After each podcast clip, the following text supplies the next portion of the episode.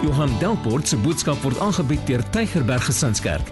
Vir meer inligting, besoek gerus gesinskerk.co.za of skakel gerus die kerkkantoor by 021 975 7566. Tygerberg Gesinskerk, kom vind jou geestelike tuiste.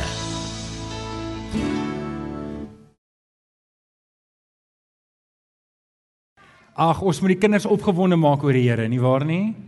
Ons moet hulle opgewonde maak. Ek dink, jy weet in in die ou dae het ons Bybel as 'n vak op skool gehad en um op 'n manier het ons ouers lui gemaak, nê? Jy weet dat ons ouers het nie eintlik moeite gedoen om ons te leer van die Here nie, maar dis ons werk en dis nie net die kerk se werk nie, dis ook ons as ouers se werk. Amen.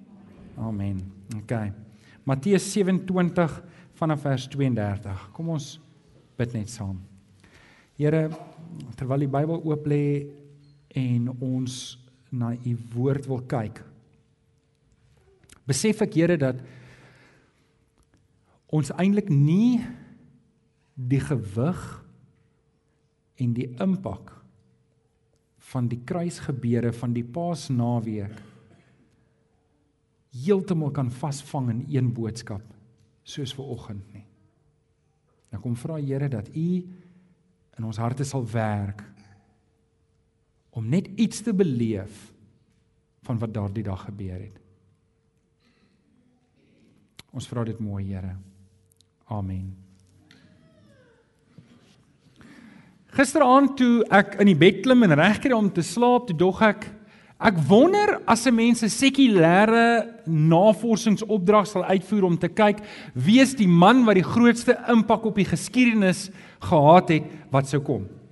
Nou ek is nou nie heeltemal 'n wetenskaplike nie, maar ek het ver oggend toe dog ek net uit nuuskierigheid uit. Ek gaan um my rekenaar aansit vir oggend 4uur en ek gaan na Google toe want Google weet mos alles. En um ek vra toe die vraag in gebroke Engels, soos julle praat ek ook net Engels in selfverdediging. En ek vra toe die vraag, who had the most impact on history? Interessant genoeg te help Google my reg want hulle help jou mos reg as hulle dink jy sê iets verkeerd. En um hy verander toe die had na has. Who has wat ek nou interpreteer maak dit nie verlede tyd nie, maar maak dit is dit past continuous? Alex? Ek het iets onthou van Engels. En uh, die eerste site wat opkom sê toe it is Jesus Christ. He had the most impact in history. Die tweede side sê toe presies die teenoorgestelde. Hy sê dit presies net so it was not Jesus Christ or any other Christian. Maar hy sê nie wie hy dink dit was nie. Hy sê net it was not Jesus. en die derde side het gesê it was Newton. Wat ek nie sien kom het nie. Maar ek wil julle moet dit hoor dat die man wat die meeste impak gehad het op die geskiedenis van die wêreld was die Here Jesus Christus. Ons het laasweek mekaar gesê met met um met Palm Sondag dat jy kan die Here Jesus verwerp, jy kan hom aanneem, maar jy kan nie met oogklappe deur die lewe gaan en maak asof hy nie bestaan nie. Of jy hom glo of nie hom glo nie, jy moet erken daar hy selfs die moslems glo dat die Here Jesus werklik op aarde was. En selfs hulle glo vir interessantheid, die moslems glo nie Jesus het gesterf nie, want hulle erken hom as 'n profeet en 'n profeet kon nie gemartel geword het nie. En baie moslems verwag ook dat die Here Jesus moet terugkom. En ek hoor nou reg iets interessant dat die poort waardeur die Here Jesus ingekom het, is met ketTINGS gesluit. Nou ek sal dit graag met my eie oë wil sien, want hulle verwag Jesus gaan weer deur daai poort kom en hulle wil hom seker voorkeer voordat hy deur daai poort gaan. Ek weet nie, ek sal graag wil gaan sien. Maar kom ek sê vir julle terwyl ek voorberei en ek hou van preek voorberei vir my is ek geniet dit om preek voor te berei. Dis vir my lekker. Ek geniet dit om my navorsing te doen. Ek geniet dit om by die Here te sit en vir die Here te vra, Here, watse boodskap eh, weet wil U hê moet ek vir die gemeente oordra? En ek wil hê jy moet hoor, ek neem graag verantwoordelikheid vir jou. Ek wil hê jy moet geestelik groei. Ek wil hê jy moet nader in die Here kom. En ek dink die van julle wat lank genoeg in hierdie gemeente is sal sal weet dat my ek sien nie my taak as leraar om 'n gemeente gelukkig te hou nie. Ek gee nie om om die waarheid van die woord te sê nie. Ek gee nie om nie want julle julle gaan nie groei op my opinie nie. Amen. Julle gaan nie groei op my mooi stories en mooi idees nie.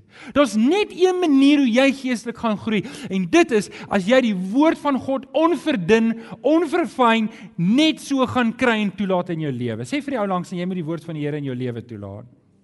En julle natuurlik, ek dis nou nie hoorie, ek probeer nie so preek dat jy moet wegbly nie. Ek gaan nou nie goed sê wat jou aspres kwaad maak nie, maar as die woord van die Here dit sê, moet ek dit sê. Amen. Amen. Okay, nou dit gesê, wil ek vir julle sê terwyl ek voorberei toe gaan luister ek laas jaar se goeie Vrydag boodskap.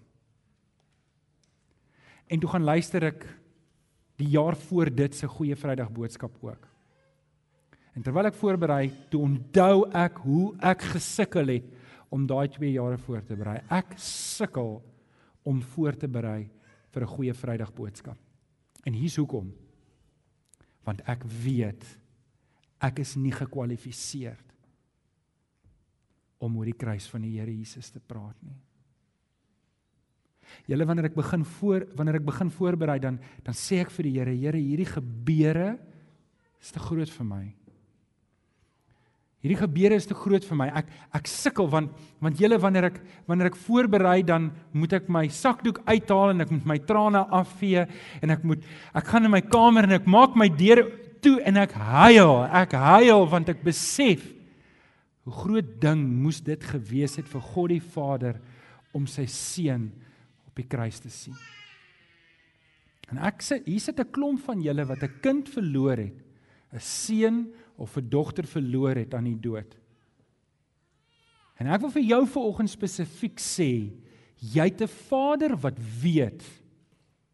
Jy het 'n Vader wat weet waartoe jy gaan. Hy het sy seun op die kruis gesien. En julle terwyl ek voorberei dan dan dink ek maar Met moet 'n mens nie liewer stil bly nie. Moet 'n mens nie en dan lees ek die woorde van Paulus in 1 Korintiërs 9 vers 16 wat sê die dwang is my opgelê. Ek mag nie stil bly nie. Wanneer ek Jeremia 20 vers 9 lees en hy sê ek het besluit om stil te bly, maar dit het begin brand in my bene. Ek kan nie stil bly nie. Ek kan nie stil bly oor die kruis nie. As ek sien wat Paulus sê en dis die vers op jou raamwerk, as daar een plek is waar ek wil roem, dan wil ek roem oor die Here Jesus. Ek wil roem oor die kruis. Hy sê, "Mag ek nooit oor enige iets anders praat. Ek het my onderneem om met julle oor niks anders te praat as oor die Here Jesus en hom die gekruisigde nie. Wee my as ek enige ander boodskap het, wee my as ek enige ander storie het behalwe die storie van die kruis. Want dis waar die reddingskrag lê. Julle die wêreld daar buite kan Jesus aanvaar of hulle kan Jesus verwerp, maar hulle kan Jesus nie ignoreer nie. Nou Ons het tree vir tree gedoen tot op die kruis. Jy het die SMS'e gekry. Ons het laas Sondag gepraat, Jesus kom op die donkie se rug. Hy's die koning. Hy's die koning en ek wil hê die Here Jesus, jy moet hom sien as die koning. Hy wil die koning wees van my en van jou lewe. Hy wil die heerser wees. Maandag het ons mekaar gesê, hy het in die tempel ingegaan en hy die mense wat wat die mense uitgebuit het, het hulle weggejaag daar gesê, julle hoort nie hier nie. En julle onthou die stukkie wat ook ons geplaas het daaroor. Dinsdag het ons mekaar gesê, Jesus het 'n klomp gelykenisse vertel en hy het vertel van die koringkorrel wat moes sterf en daar het hy vir die disippels baie baie duidelik verduidelik, hy gaan sterf.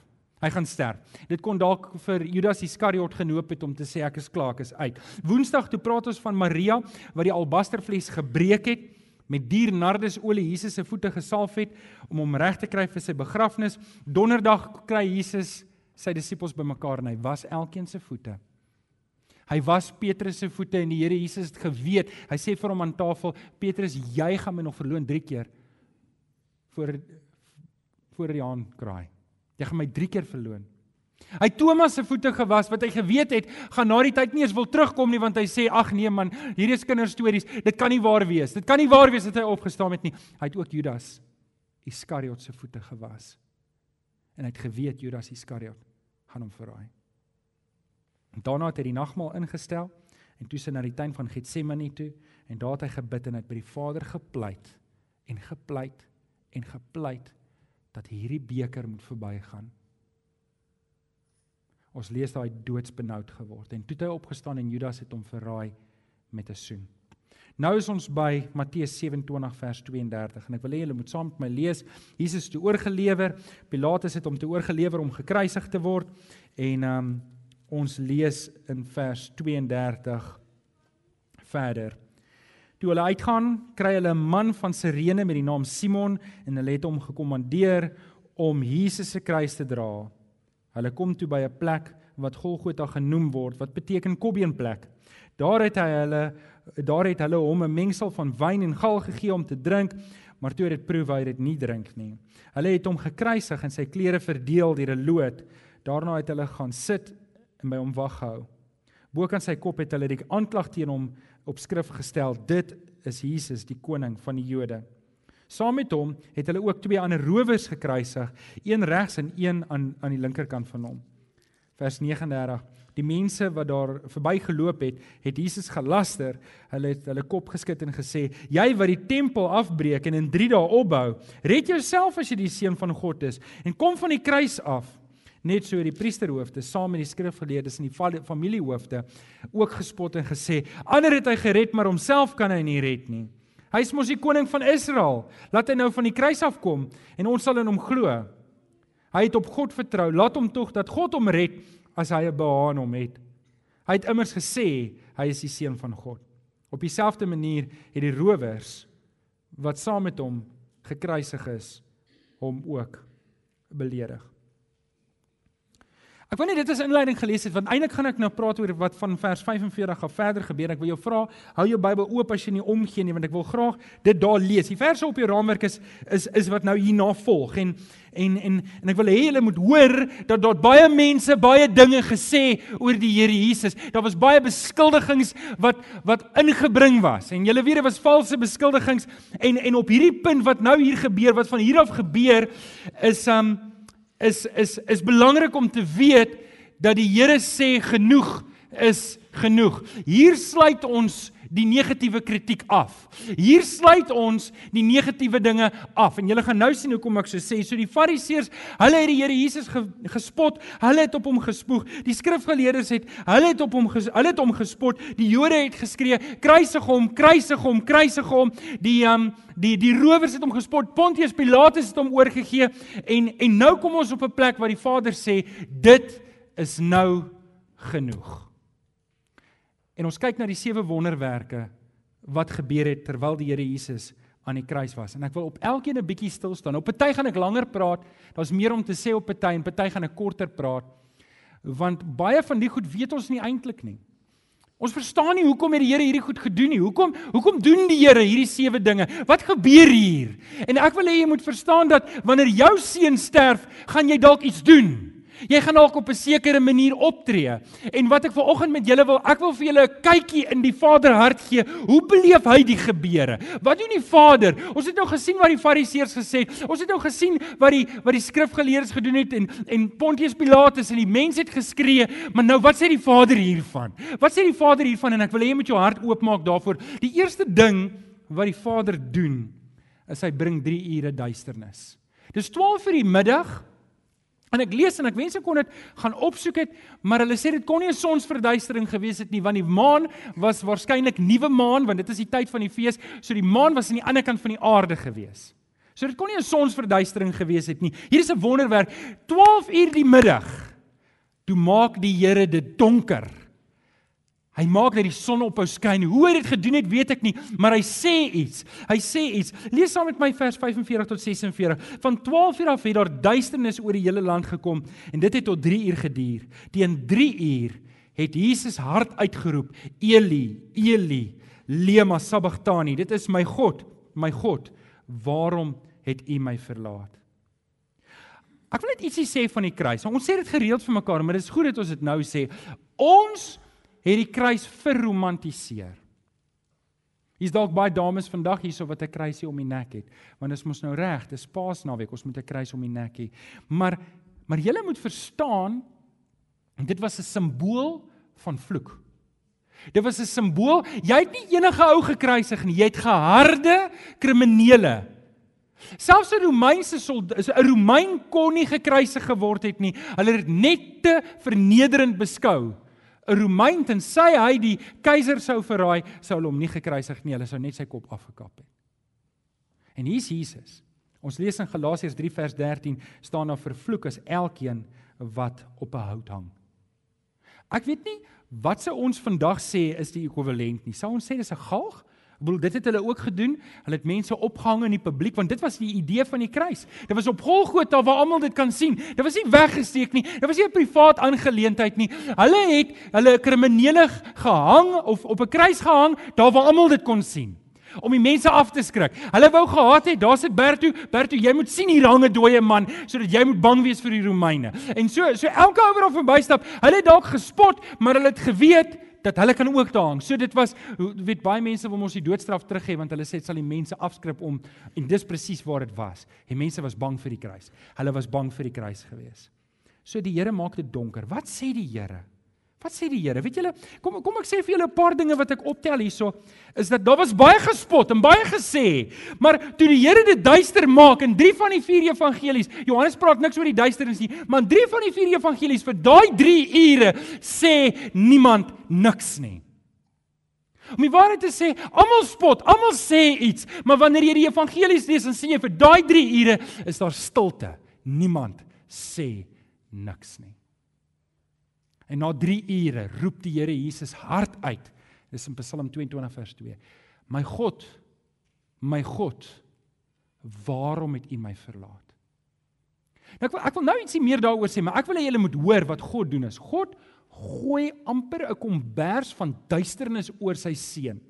Nou, dit kan een van twee goed beteken. Dit kan of beteken dat God straf sy seun nou, of dit kan beteken God sê man, julle het nou genoeg gekyk na my seun. Dis genoeg. Dis genoeg.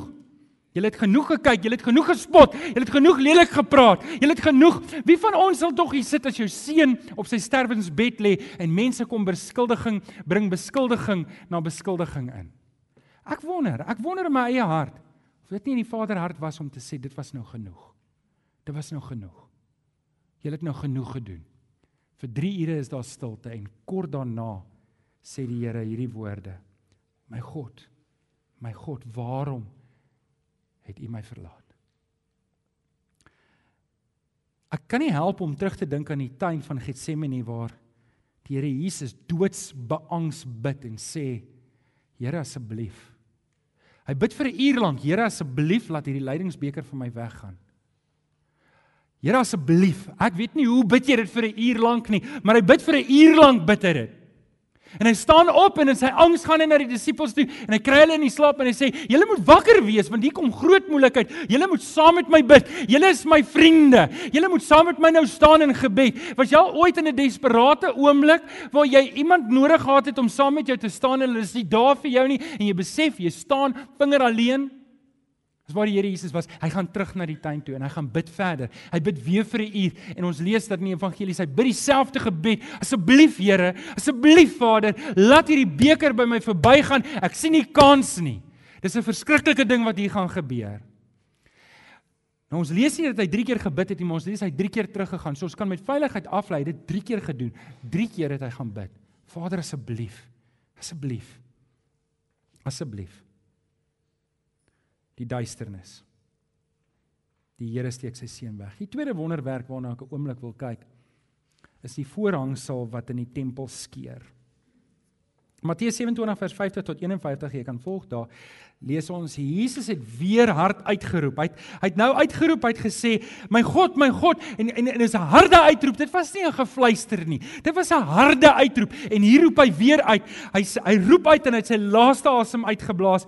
En ek wil hê julle moet kyk wat staan in vers 51 op daardie oomblik, want wat nou hier navolg, het alles omtrent op dieselfde oomblik gebeur. En ek gaan nou daarna kyk, maar op daardie oomblik het die voorhangsel in die tempel van bo na onder middeldeur geskeur na hierdie 3 ure van donkerte het die Here gesê, ek is nog nie klaar gepraat nie. Hoor die fariseërs, julle het nou genoeg gepraat. Hoor die rowers wat my seun so belaster en beswaarder, julle het nou genoeg gepraat. Hoor die Jode wat so skree kruisig hom en spot en sê, hoorie maar baie het jy gered maar jouself kon jy, julle het nou genoeg gepraat. Dis nou my beurt. Julle moet nou stil bly.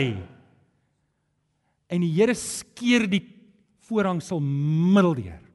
Nou julle net vir julle sê, in die allerheiligste van die tempel kon die hoofpriester net een keer 'n jaar ingaan. Net een keer 'n jaar dan moes hy 'n offer bring vir die volk. En daar was hele stories van klokkies wat hy moes dra sodat wanneer hy daardeur gaan en hy's vol sonde en hy gaan en hy sterf net daar dat hulle hom met 'n tou sou kon uittrek want die Here sou nie duld dat hy onheilig daar instap nie. So julle moet verstaan, hier is 'n groot oomblik toe die Here Jesus sterf dat hy hierdie kleed skeur. Nou julle ons ken nie tradisionele woorde daarvan is dat God maak dit nou toeganklik van almal. Hy wil hê jy moet kom. Hoorie die Here hou jou nie op 'n afstand nie. In die Here Jesus wil hy hê jy moet ver oggend kom. Luister het jy sonde? Wel jy hoef nie meer na iemand toe te gaan wat nie sonde het nie. Die Here Jesus is die een wat gekruisig is. Hy is die hoofpriester. Hy gaan in die allerheiligste in en hy tree vir my en jou in. Maar julle terwyl ek so voorberei, toe onthou ek die woorde van Job. En in Job 1 vers 20 lees ons dat toe hy die nuus kry dat sy kinders gesterf het, toe het hy sy klere geskeur. Julle dalk dalk ek kyk hier na hierdie verse en en ek, en ek kan nie help om te wonder nie, maar hier is God en sy seun sterf en God skeur sy klere. Hy gaan tempel toe en hy skeur sy klere om te wys wanneer jy diep in rou gedompel was, wanneer jy diep teleurstelling gehad het, wanneer daar groot onreg gekom het, het jy jou klere geskeur sodat mense kan sien, maar nou se ek hartseer, maar nou se ek ontstel. Hierdie ding is nie vir my lekker nie en God die Vader skeur die gordyn. Weet julle Daai gordyn het God baie baie baie spesifieke voorskrifte gegee. Daar moes engele op dit geborduur gewees het. Hy moes van baie spesifieke baie spesifieke materiaal gemaak geword het. En God skeer hom. God skeer hom. Nee, dit daar's 'n mooi boodskap daar agter afgesien van die Here se rou wat ons kan sien dat God visueel wys. Hy hy skud, hy hy hy bring nie net duisternis oor die aarde nie, maar hy skeer die gordyn om te sê hier's hartseer in my hart. Maar terselfdertyd maak hy die deur oop vir my en vir jou deur die kruis van die Here Jesus sodat ek en jy kan kom. En dis wat hy wil hê hy wil kom. Hy wil hê ons moet kom. Die derde die derde wonderteken daarso wat ons kry. Op dieselfde oomblik lees ons is daar 'n aardbewing. Matteus 27 vers 51b sê die aarde het geskit en die rotse het uitmekaar uitgebars. En en ek wil net hê jy moenie in jou kop dink dat ja, met die aarde het gebewe, dis hoekom die gordyn geskeur het nie. Want as die aarde gebewe het en die gordyn moes skeur as gevolg van die aardbewing, dan moes die tempel tog ook uitmekaar uitgerammel het. En dan sou ons tog gelees het van ander goederes in die tempel wat ook van hulle plekke afgeval het en ons lees nie daarvan nie. Hierdie is 'n wonderwerk. Dis 'n aparte wonderwerk wat die Here doen. Hy skud die aarde. Hy skud die aarde en julle ek wil vir julle sê terwyl ek voorberei was dit die moeilikste ene. Wat sê God wanneer hy die aarde ruk? Wat sê hy? Wat sê hy? Weet julle, ek kom op twee verse af wat vir my mooi is en ek en ek probeer myself indink. En ons as mens kan ons nooit in God se plek indink nie, maar julle my seun is nou 12 jaar oud. My seun is nou 12 jaar oud en ek ek weet dis die naaste wat ek kan kom as sondige mens. Maar hoor jy in Matteus 7 vers 7, Matteus 7 sê die Here Jesus daar as julle wat sleg is weet om goed te doen aan jou kinders, hoeveel te meer weet jou Vader nie om goed te doen aan sy kinders nie. Met ander woorde, God gee erkenning dat selfs ek wat 'n moontlike slegte pa is, ek is lief vir my seun. Ek is lief vir my seun. En julle, ek is lief vir my dogter. En my kinders, ek is soos enige ander ouer, is my alles. Is my alles en en ek kan onthou Julle dit was dit was nou 3 jaar terug, 2 jaar terug, 3 jaar terug was ek en my my vrou op 'n rugby toer gewees. Ons was op 'n rugby toer in George gewees en en my seun, hy's 'n lang ou en hy het nie regtig moeilikheid met kinders nie, so hy het nie nodig om homself ooit te verdedig nie. En ek kan onthou, ons sit op die paviljoene en die skole kom die kinders in en hulle kom in en hulle kom in en hier sien ek hier kom my seun in. En sy sprankel in uit wat hy altyd het het en hy loop so. Hy loop so in en, en ek in my hart weet ek man, dis iets fout met my seun. Dis mos nie hoe my seun is nie. En ek sien hy staan daar en hoe langer hy staan, hoe groter breek my hart vir die kind. En na die tyd gaan vra ek vir hom, wat het gebeur? Hoekom die trane loop oor sy wang? Ek sê vir hom, seun, wat gaan aan man? Hy sê nee, 'n seun het hom in die gesig geklap. Ek ek, ek sê vir hom, Maar hoekom wat jy gedoen? Nee, sy het net by my kom staan en my geklap. in julle die die woede, die kwaad. Weet om my seun so te sien. Ek ek jy jy, jy spyt jouself. Kom aan ouers, voel julle nie partykeer so nie. Dis die eerste keer wat ek so ek weet nie toe wat om met myself te maak nie. Ek weet nie wat om met hoe wat doen ek met hierdie kwaad, hierdie hartseer in my hart. En julle terwyl ek voorberei toe dink ek, maar dis hoe ons God moes voel. Hy skeer sy klere, hy sê, "Man, ek is kwaad. Ek is seer gemaak. Hierdie ding is nie vir my reg nie. Dat my seun vir sonde moet sterf." Weet julle ek lees twee teksgedeeltes in Jesegiel 6 vers 11 lees ek die mense het hulle voete gestamp Nou in ons kultuur stamp kindertjies hulle voete as hulle 'n tantrum gooi, maar julle in hulle kultuur, as iemand sy voete stamp, dan sy ontsteld en hy wil sê, "Broer, maak so ontsteld en ek is nou kwaad en ek is nou hartseer." Ons lees weer dieselfde gedagte in Jeremia 13 vers 16 wat sê, "Die voete word gestamp." En ek, en ek wonder, ek wonder, ek ek dink terug aan daai dag in George toe my hart so gebreek het vir my seun, ek so kwaad was. Wonder ek hoe die Here se hart moes voel en of hy nie dalk soos wat hulle in die Ou Testament gedoen het, ook sy voete gestamp het en die aarde het gebewe. Dat die mense moet hoor my hart is seer. My hart is seer vir wat vir my seun gebeur. Ek wil hê jy moet hoor dat God die Vader was regtig lief vir sy seun.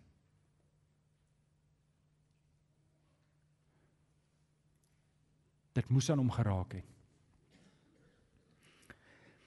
Die Fariseërs het hulle sê gesê, Pontius Pilatus het sy sê gesê, die volk het hulle sê gesê, die rowers het hulle sê gesê, God het gesê dis genoeg.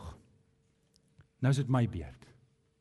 Dis my beurt. Hy bring duisternis en van daar af lees ons het niemand niks gesê nie. Niemand het verder iets gesê nie. Hy het duisternis gebring. Hy het die voorhangsel geskeur uit die aarde laat bewe en die volgende ene wat hy doen is hy breek die grafte oop. Matteus 27 vers 52 lees ons die grafte het oopgegaan. En ek wil julle ietsie interessant vertel hierso dat dat die Jode het Jesus gekruisig en die Fariseërs was deel daarvan, die skrifgeleerdes was deel daarvan, was 'n hele komplot. En en is en is baie keer jammer dat mense dubbelstandaarde het. En baie keer dan sê hulle nou een ding en dan nou sê hulle 'n ander ding. Hierdie kant wil ek my brood so gebotter hê, aan die ander kant wil ek dit so gebotter hê. Hierdie kant lieg die fariseërs, hulle hulle fabriseer stories. Hulle bring mense in om stories te fabriseer om Jesus skuldig te laat lyk. Hulle bring hulle bring dit alles in en dan nou nou nou nou sê hulle nee, maar die mense kan darm nie op Sabbatdag op die kruis hang nie, want dis darm nie reg nie. Hierdie kant kan ons lieg om iemand op die kruis te kry, maar hierdie kant moet ons sê nee, maar die Sabbat is darm te heilig. Wat weet jy van heiligheid as jy so kan lieg en kan bedrieg en stories kan opmaak? En en en hulle hulle gaan na hulle gaan na die hulle gaan na die hulle gaan na Pontius toe en sê luister ons moet die ons moet die liggame van die kruis afhang want dit is nie vir ons reg dat die liggame op die kruis hang nie. En hulle sê dis reg, hulle kan hulle afhaal. Hulle kan hulle afhaal en en maar God sê nee. Nee, dis nie so maklik nie. Dis nie die einde van hierdie storie nie. Hy ruk al die grafte oop. Nou ja, party grafte was was grotte geweest waar daar klippe, party was dalk gegrawe, maar hy maak hulle almal oop.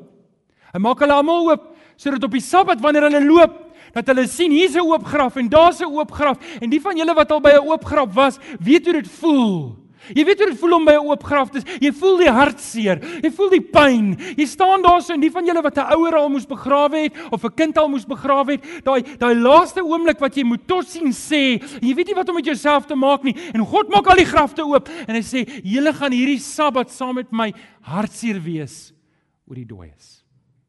Julle gaan saam met my hartseer wees want my seun het gesterf en ek wil hê julle moet weet julle grafte gaan oop wees. Julle grafte gaan oop wees. Dis 'n uitstalling vir die wêreld van die dood. God het nog nie klaar gepraat nie. Nie net breek hy die grafte oop nie, maar hy laat gelowiges opstaan. En dit is 'n groot wonderwerk. Gelowiges staan uit die dood uit op. Dis die volgende ene. Nommer 5 Matteus 27 vers 52 tot 53 sê baie gelowiges wat dood was was opgewek en hulle het uit hulle grafte uitgegaan. Na Jesus se opstanding het hulle in die heilige stad gekom waar hulle aan die mense verskyn het. Dis my pragtige vers daai. Die gelowiges het opgestaan. Nie almal het opgestaan nie. Die gelowiges het opgestaan. Nie die ongelowiges nie, net die gelowiges. En en en die Here die die Vader sê iets van sy intensie hierso. Hy sê dat luister, die van julle wat in Christus sterf, sal dalk eenmal sterf, maar julle sal nie die tweede dood ingaan nie. Julle sal opgewek word uit die dode. Sien die Here gee vir ons ook 'n voorsmaakie om te sê, dis wat kom. Dis wat kom en ek wil vanoggend vir jou sê, as jy in die Here Jesus is, as jy in die Here Jesus is, sal jy lewe al het jy gesterwe. Die dood se angel word weggevat. En ek en jy moet onsself herinner hierdie Paasfees dat omdat die Here Jesus op die kruis gesterf het, omdat hy vir ons in ons plek vir ons sondes gesterf het, omdat hy daai pad gestap het, omdat hy in die tuin van Getsemane gebid het, Here red my van hierdie beker, maar nogtans nie my wil nie, maar U wil. Omdat dit gebeur het, kan ek en jy ook lewe.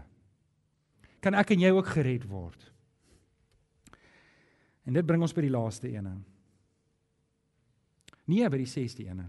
Nog, hou vas, ons gaan nou by die laaste ene kom. As ek hierdie lees, dan lyk dit dalk nie vir my soos 'n wonderwerk nie. Ek lees dit en ek en ek dink maar maar Johannes maak so groot ding daarvan dat ek kan sien hy het beslis gedink hier 'n groot ding gebeur. En dit is bloed en water uit Jesus se sy. In Johannes 19 vers 31 tot 37 lees ons: "Maar een van die soldate het met 'n spies in sy sy gesteek en daar het dadelik bloed en water uitgekom." Nou, vir julle net sê wat het gebeur dat wanneer die mense gekruisig is, veral nou met die opdrag dat hulle mag nie hang nie vir die Sabbat nie, moes hulle seker maak hulle is almal dood voor die Sabbat aanbreek. So wat hulle gedoen het, hulle het met die stompskant van die spies het hulle teen die mense se ribbes gedruk en die ribbes gebreek sodat wanneer jy hang, dan raak die lyding net soveel groter, maar is vinniger oor dat jy kan sterf. So hulle hulle breek die sy bene sodat jou so, ek ken nou nie spiere nie, ons moet dalk 'n dokter vra maar sodat jy nou vinniger doodgaan. Maar dit by die Here Jesus gekom en die Here Jesus was reeds dood. So dit was nie nodig om sy bene te breek nie, want want hy het nie nodig hy hang klaar, hy's klaar dood. So wat hy doen net om seker te maak hy's dood, is hy steek die sy hier in die sy die spies in na die hart toe. So wat hulle doen is hulle steek hom in die hart en hulle draai hom en hulle trek hom uit. Om seker te maak hy's dood. Julle hoor dis 'n redelike wrede affære. En en Johannes maak eintlik 'n groot storie hiervan en julle kan dit gaan lees by die huis. Johannes sê daar hy het gesien Hier kom water en bloed uit. En dan sê hierdie woorde in vers 35, hy sê hy wat dit gesien het, hy praat van homself, lê daarvan getuienis af en sy getuienis is waar. Hy weet dis die waarheid. Hy praat die waarheid sodat julle dit kan glo. Hy maak 'n groot storie daarvan. En in 1 Johannes 5 vers 7 hoor ons Johannes het 'n groot storie rondom water en bloed. Hy sê daar's dis drie wat getuig, die Gees, die water en die bloed en die drie getuies stem ooreen. En en ek het probeer agterkom wat is dit waaroor Johannes praat? Hoekom hoekom is hierdie vir hom so groot ding dat daar water en bloed uit die Here Jesus se sy uitkom? Ek dink ek kan hoor dat daar iets is want wanneer jy iemand sou doodsteek sou daar tog nie water uitkom nie, daar sou net bloed uitkom en en of dalk bloederige water, maar nie water en bloed nie. En en Johannes maak dit baie duidelik het iets gebeur en ek wil hê julle moet dit glo want ek was daar, ek het dit self gesien. Daar was water en daar was bloed. Daar was bloed en water, albei het uitgekom. Ek het albei gesien met my eie oë en julle moet my glo want ek was daar. En en en daar steek iets daarin want die bloed wys sy menslikheid. Hy was hy was mens. Maar hy was 'n sondelose mens en dit weet ons en sy bloed het gevloei en dit gaan ons nou-nou met die nagmaaltafel ook herdenk sodat ek en jy sodat ons bloed nie hoef te vloei nie. Maar ons weet ook hy was die lam, die lam van God wat vir ons moes sterf en hy was geslag. Maar die water en daar kan jy self ook 'n studie oor gemaak is die bonatuurlike kant van God se reinheid, van sy goddelikheid, van wie hy is sy majesteit dat die wat in hom is kan skoon gewas word. Water is altyd 'n simbool van reinheid. Ek dink die groot wonderwerk dalk hier as ons een tree terug staan is om te kyk om te sê hier het die seun van God gesterf. En die feit dat hy in sy hart gesteek is, los by my en jou geen twyfel hy het werklik gesterf nie. Dalk net net nog so 'n stukkie byhak hier, net om dit nog bietjie meer sin te maak. As dit nie Jode was nie en dit was nie naby die Sabbat nie, sou hulle daai mense gelos het tot hulle dood is. Hulle sou gehang het tot hulle dood was. Hier hang die rowers, hulle moes ly tot hulle dood gaan. En die soldate moes wag staan totdat hulle dood is. Nou dit het baie keer 3 of 4 dae gevat voordat so ou dood is. Hy moes doodgaan van die honger of die dors, maar hulle het vir jou asyn partykeer gegee en suurwyn en gaal gegee om te drink sodat jy nie doodgaan van die dors nie maar doodgaan van pyn en lyding. En die soldate sou partykeer ook maar verveeld raak. Hulle wil ook maar terug gaan huis toe en dan sou hulle probeer aanmoedig het deur om ook die bene te breek. Maar die rede hoekom die soldate daar gebly het en hier is die groot ding, hulle moes bly by die kruise totdat die laaste ou doodgaan sodat hulle kon seker maak niemand kom steel of kom red die mense van die kruis af nie. Want jy kan mos sou dink as dit jou mense is wat hang en die soldate is nie, dan gaan jy hom afhaal. En Johannes sê hy het gesterf. En dalk is die wonderwerk hierso. God het gesterf aan die kruis. As hy nie gesterf het nie, was daar nie redding vir my en jou nie. Geen mens bly lewe wanneer daar 'n spies in jou hart ingedruk word en dit gedraai word en uitgetrek word nie geen mens bly lewe nie. Christus het werklik gesterf. En dit bring ons by die laaste ene die sewende een. Mense kom tot bekering. 'n Romeinse soldaat kom tot bekering en in Matteus 27 vers 54 lees ons toe die offisier en die soldate wat saam met hom Jesus bewaak het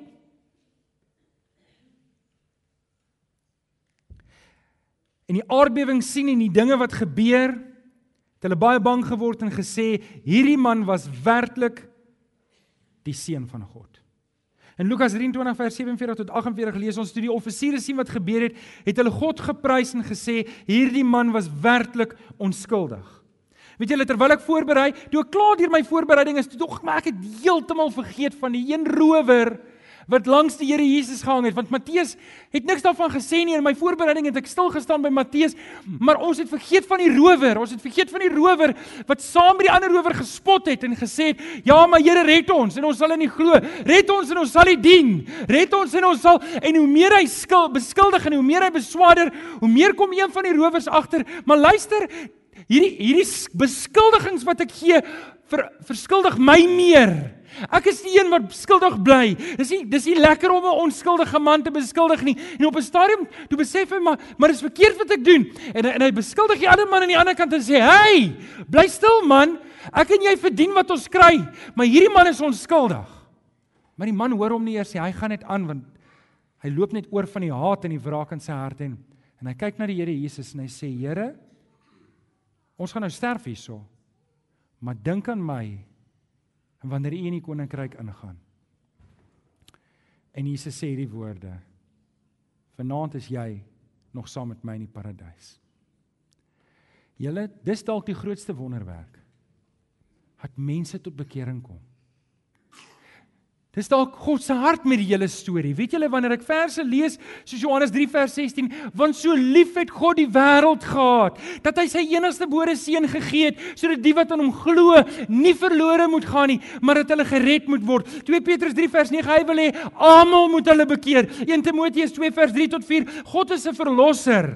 Hy wil hê dat alle mense gered moet word en tot kennis van die waarheid moet kom. Dit maak nie saak of hy 'n rower is nie. Dit maak nie saak of hy 'n Romeinse soldaat is nie. Dit maak nie saak of sy naam Nikodemus is en hy's 'n Fariseer nie. Dit maak nie saak of sy naam Paulus is nie. Dit maak nie saak of sy naam Johan Delport is nie. Die Here wil hom red. Die Here wil hom trek. En vanoggend wil ek hê jy moet hierdie ding hoor. Jy moet dit hoor. God se hart vanoggend met die kruis. Ja, is dit ons ontstellende gebeurte. Natuurlik is dit. Maar God doen dit alles en die Here Jesus stap die pad saam met sy Vader. Hoekom? Want hy wil hê ek en jy moet ons bekeer na die kruis toe.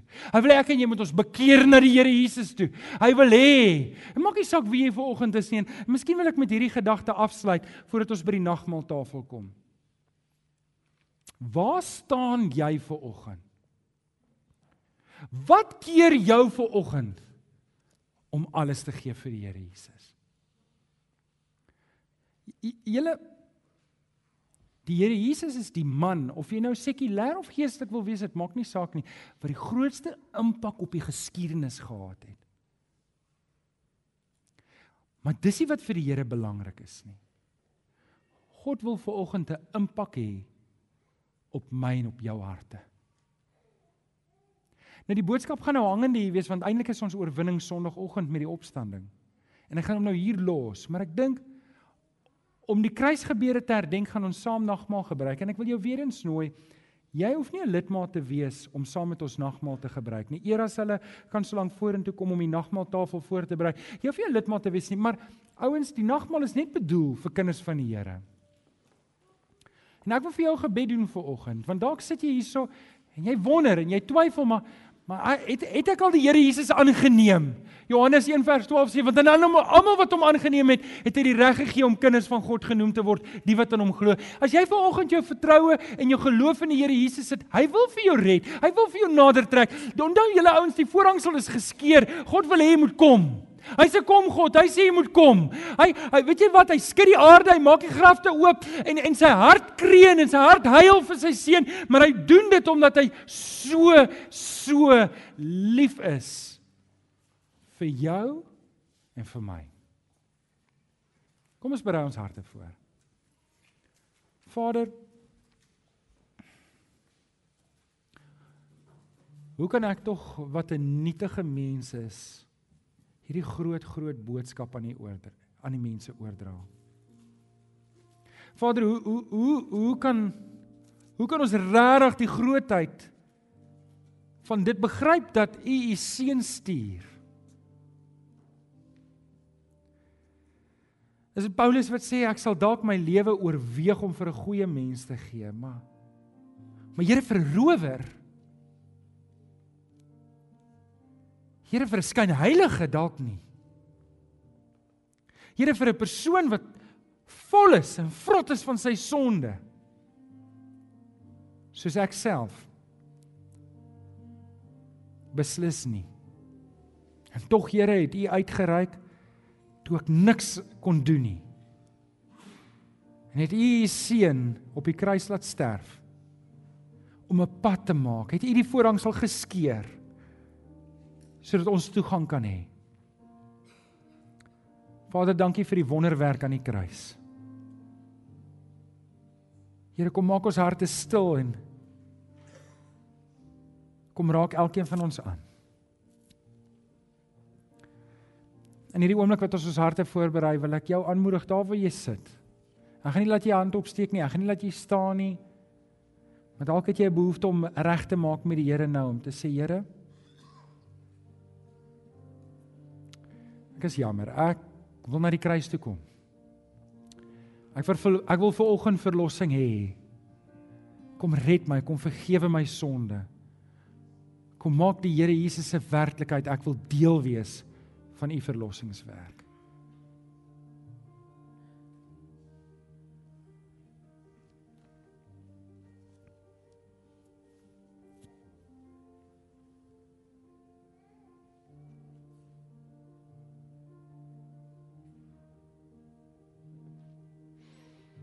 Amen. Amen. Ons gaan julle bedien met nagmaal. En ek wil jou vra dat jy die brood en die sap sal hou tot ons almal die brood en die sap het. En dan um, gaan ons dit saam gebruik. So die manne en vroue hier onder gaan uitdeel.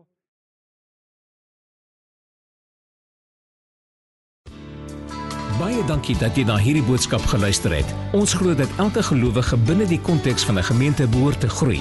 Indien jy nog nie by 'n gemeente ingeskakel is nie, kom besoek ons gerus hierdie Sondag by Laerskool Jean Louw se skoolsaal, Tulipstraat, Amanda Glen, Durbanville. Tygerberg Gesinskerk. Kom vind jou geestelike tuiste.